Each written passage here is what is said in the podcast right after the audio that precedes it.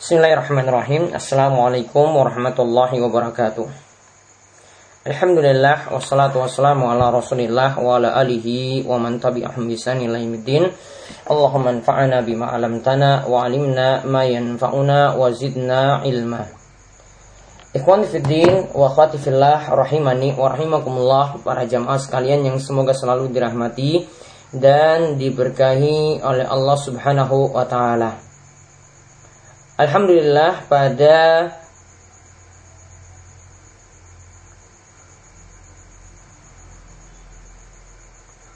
kesempatan kali ini kita akan melanjutkan pembahasan kita dari kitab Al-Masail Jahiliyah. Ya, kitab Al-Masail Jahiliyah di mana ya, kitab ini membahas tentang perkara-perkara jahiliyah yang mesti dijauhi oleh setiap muslim ya yang mesti dijauhi oleh setiap muslim. Karena ini adalah sifat-sifat yang jelek dan ini adalah sifat-sifat yang tercela. Dan sifat-sifat semacam ini dipilih secara khusus oleh Syekh Muhammad bin Abdul Wahab dan ini yang biasa terjadi di tengah-tengah kaum muslimin masih mewarisi pemahaman atau sifat-sifat jahiliyah.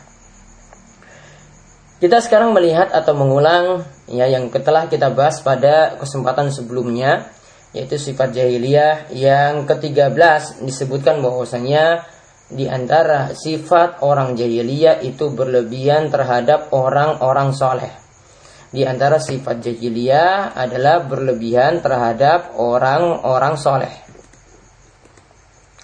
Bagaimanakah yang dimaksudkan dengan gulu atau berlebihan di sini? Beliau katakan sifat jahiliyah adalah berlebihan terhadap ulama dan orang-orang soleh sebagaimana yang Allah Subhanahu wa taala sebutkan tentang ahli kitab, ya ahlal kitabi la taqulu fi dinikum wa la taqul 'ala Allahi illal haqq.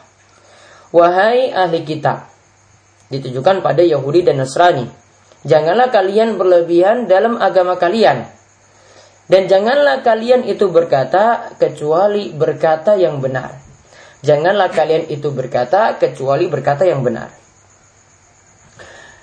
Maka para ulama jelaskan yang dimaksudkan dengan hulu kalau diartikan secara bahasa itu artinya adalah azyada anil had bertambah dari batasannya. Atau ada yang mengatakan juga ghalal qadar yaitu melebihi dari batasnya. Seperti misalnya ada air yang berlebihan itu disebut gulu ada harga yang terlalu melonjak tinggi itu juga disebut ghala atau hulu. Karena melebihi dari yang wajar. Jadi yang namanya hulu itu adalah aziyada wal irtifa anil haddi al ma'ruf yaitu berlebihan atau melampaui batas dari yang semestinya, dari yang sewajarnya. Sedangkan yang secara istilah yang dimaksudkan di sini adalah aziyadati fi raf'i syakhsin fawqa manzilatihil alla iqabih. Yaitu yang dimaksudkan gulu ya di sini adalah berlebihan dalam menyikapi seseorang mengangkatnya melebihi dari tingkatan yang sewajarnya. Misalnya berlebihan terhadap seorang nabi, berlebihan terhadap orang soleh, itu diangkat ya dari batas yang wajarnya sebagai manusia ya yaitu diangkat sampai derajat rububiyah atau derajat ilahiyah. Jadi derajat, sampai derajat Tuhan atau yang berhak untuk disembah. Ini ini jelas ini adalah suatu bentuk hulu ya itulah yang dimaksudkan dengan hulu yang dibahas di sini. Maka orang-orang jahiliyah itu biasanya berlebihan terhadap ya bersikap ekstrim bersikap berlebihan terhadap persen-persen tertentu mereka mengangkat orang-orang tersebut lebih daripada derajat yang semestinya. Ya, mereka menjadikan selain Allah Subhanahu wa taala tersebut sebagai arbaban ma'allah, sebagai Tuhan bersama Allah. Mereka menyembah Allah juga mereka menyembah selain Allah Subhanahu wa taala. Sebagaimana yang terjadi pada orang-orang Yahudi, mereka bersikap berlebihan terhadap Uzair. Uzair itu disebut ibnullah, putra Allah. Sebagaimana juga orang-orang Nasrani yang berlebihan terhadap Isa bin Maryam ya mereka mengangkat Isa juga sampai derajat ilahiyah. Mereka menyebut juga Isa sebagai anak Allah. Begitu juga kaum Nuh. Mereka berlebihan juga terhadap orang soleh. Ya, mereka berlebihan terhadap orang soleh. Mereka membentuk gambar-gambar orang soleh tersebut. Ya, sawarohum tamasilahum. Mereka membentuk patung-patung mereka. Suma abaduhum min dunillah. Kemudian mereka menyembah patung-patung tersebut sebagai sembahan selain Allah. Farofa'ahum ila martabatil uluhiyah. Maka mereka sengaja mengangkat ya orang-orang soleh tadi sampai derajat ilahiyah sampai derajat ketuhanan.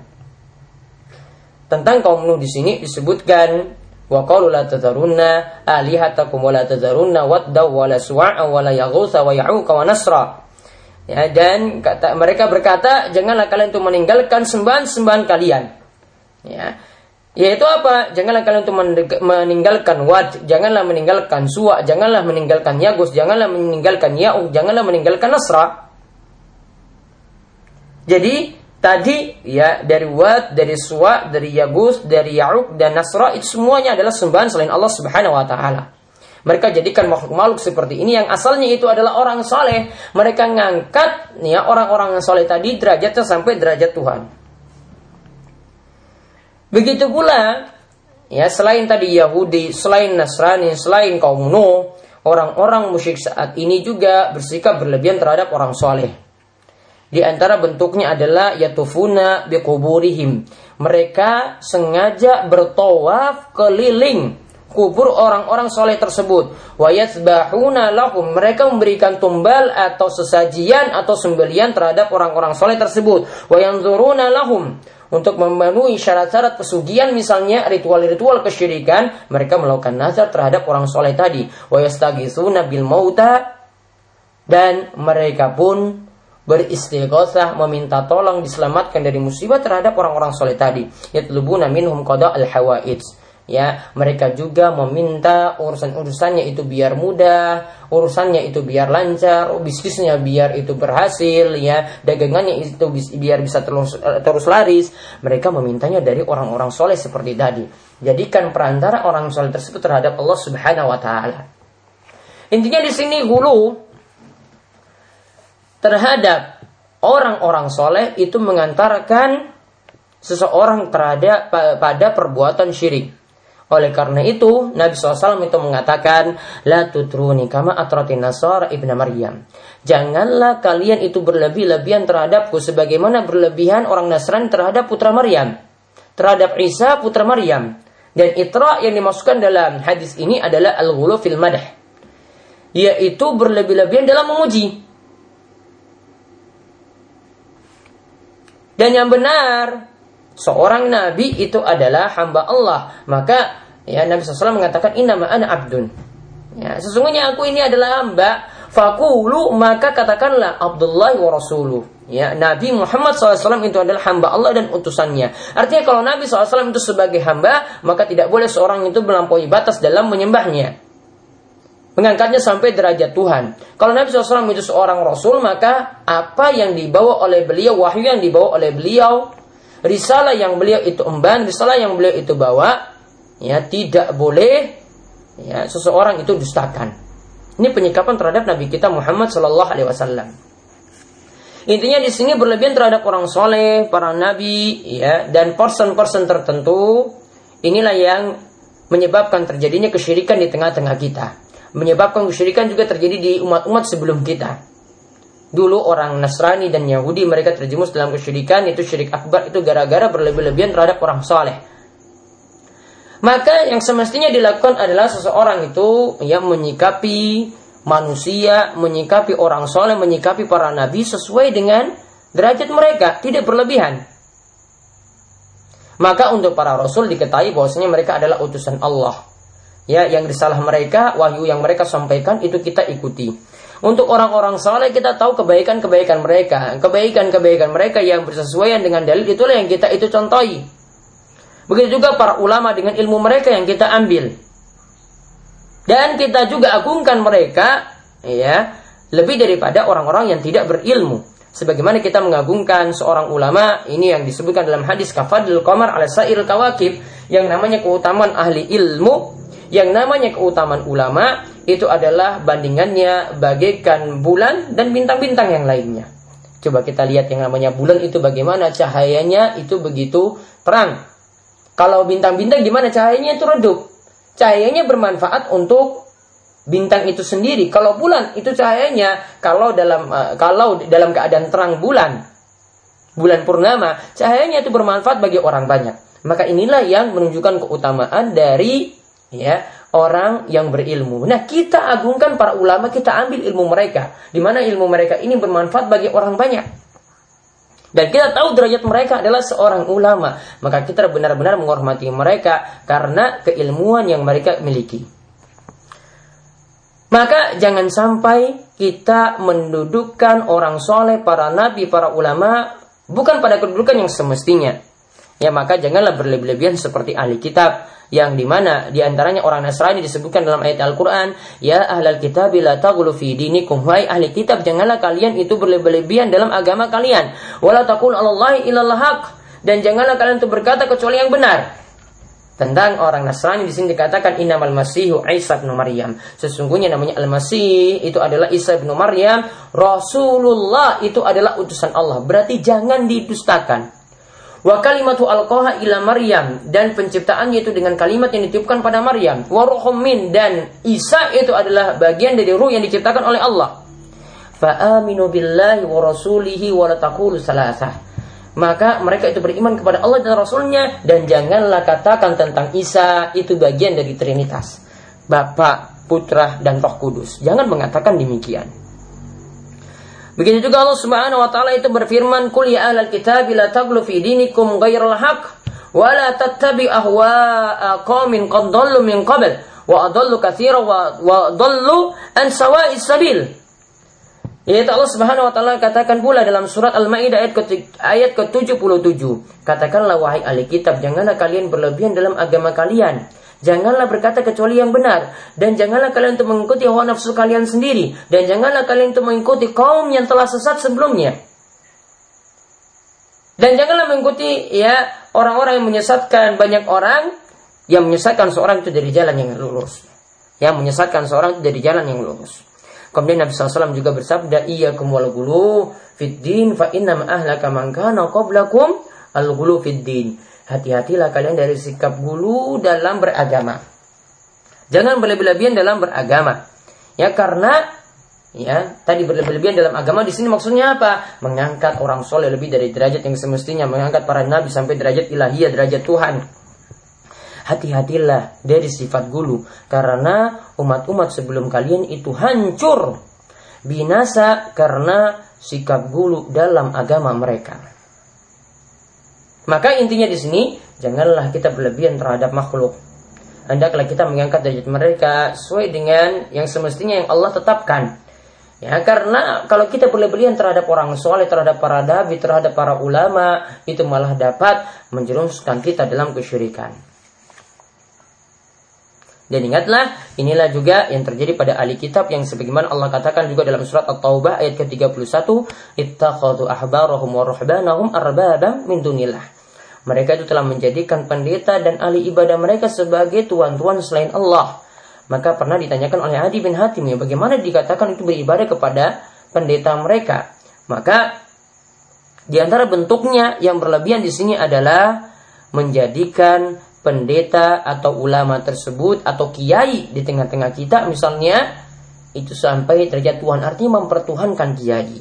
Mempertuhankannya bagaimana? Di sini bentuknya adalah dalam masalah ketaatan hukum, yaitu kita manut pada kiai pada dalil yang jelas-jelas haramnya. Kiai katakan halal, maka kita ikuti halalnya. Padahal dalil katakan itu haram. Begitu pula sebaliknya. Itulah yang dikatakan juga termasuk berlebihan terhadap orang soleh. Dan inilah ya yang mesti kita hindari dan ini termasuk sifat-sifat jahiliyah. Nah itulah masail yang ke-13. Kita lihat sekarang masail yang ke-14.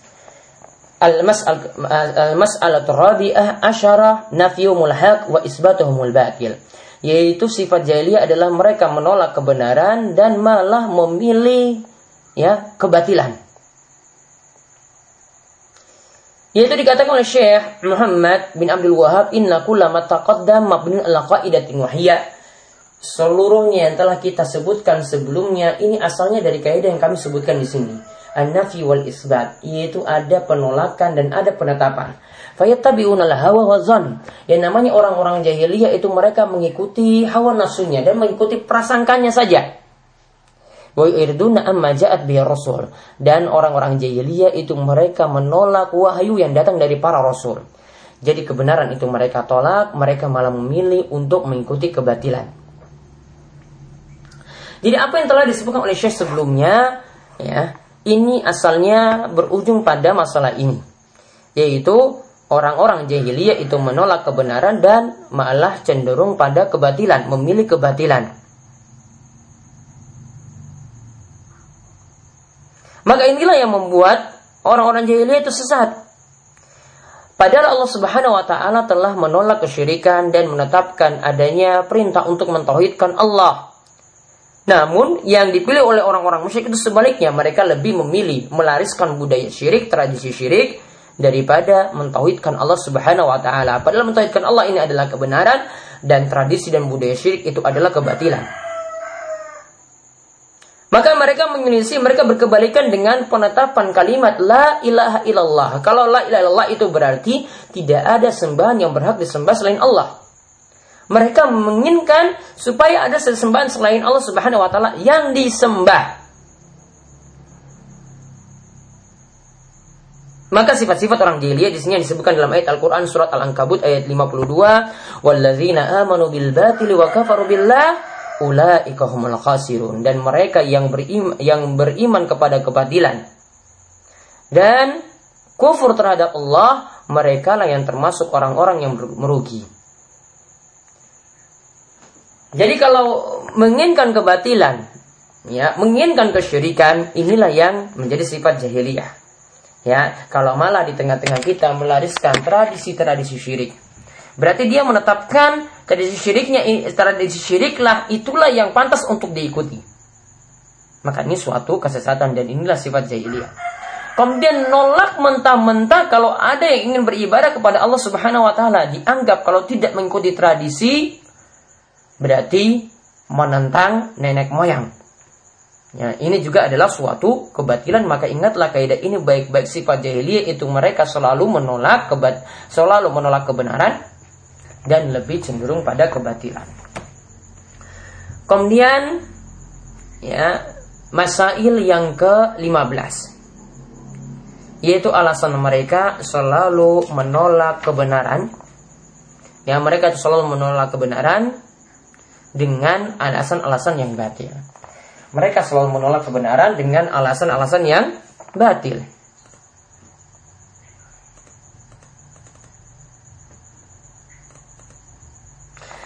Nah, di sini katakan oleh Syekh orang-orang jahiliyah. Mereka ketika diajak untuk mengikuti wahyu yang Allah Subhanahu wa taala uh, turunkan, mereka selalu menyampaikan uzur bahwasanya mereka itu tidak paham terhadap wahyu tersebut. Mereka itu mengatakan tidak paham terhadap wahyu tersebut, selalu menyampaikan alasan-alasan, "Oh, kami tidak paham." Mereka katakan bahwasanya qulubuna ghulfun. Hati kami itu telah tertutup. Nah, ini di antara alasan yang mereka sebutkan yang disebutkan dalam surat Al-Baqarah ayat ke-88. Begitu pula dalam ayat yang lainnya disebutkan ya Syuaib, ma nafqatu katsiran mimma taqul. Wahai Syuaib, kami ya ma nafqahu katsiran mimma taqul kami tidak paham dengan pemahaman yang banyak terhadap apa yang engkau katakan. Jadi selalu menyampaikan alasan di sini juga orang-orang musyrik, ya orang-orang jahiliyah selalu menyampaikan alasan kami itu tidak paham. Ini yang disebutkan dalam surat Hud ayat ke-91.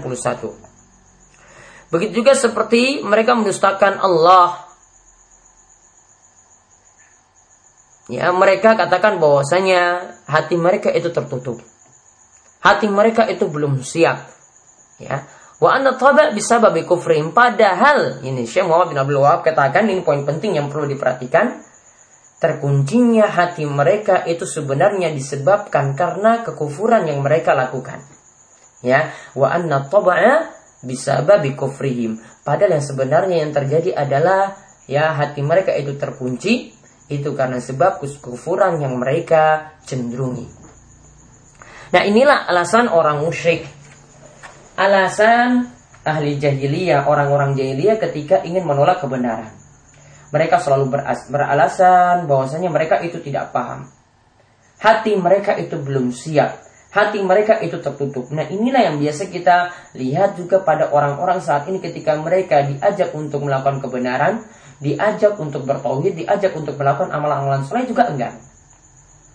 Seperti misalnya yang kita lihat pada para wanita ketika diajak untuk ya berhijab untuk menutup aurat mereka, maka mereka mengatakan juga demikian, kami itu tidak paham, hati kami itu belum siap, kami belum bisa menerima kebenaran, Tunggu waktu dulu kapan itu siap baru kami ingin berhijab.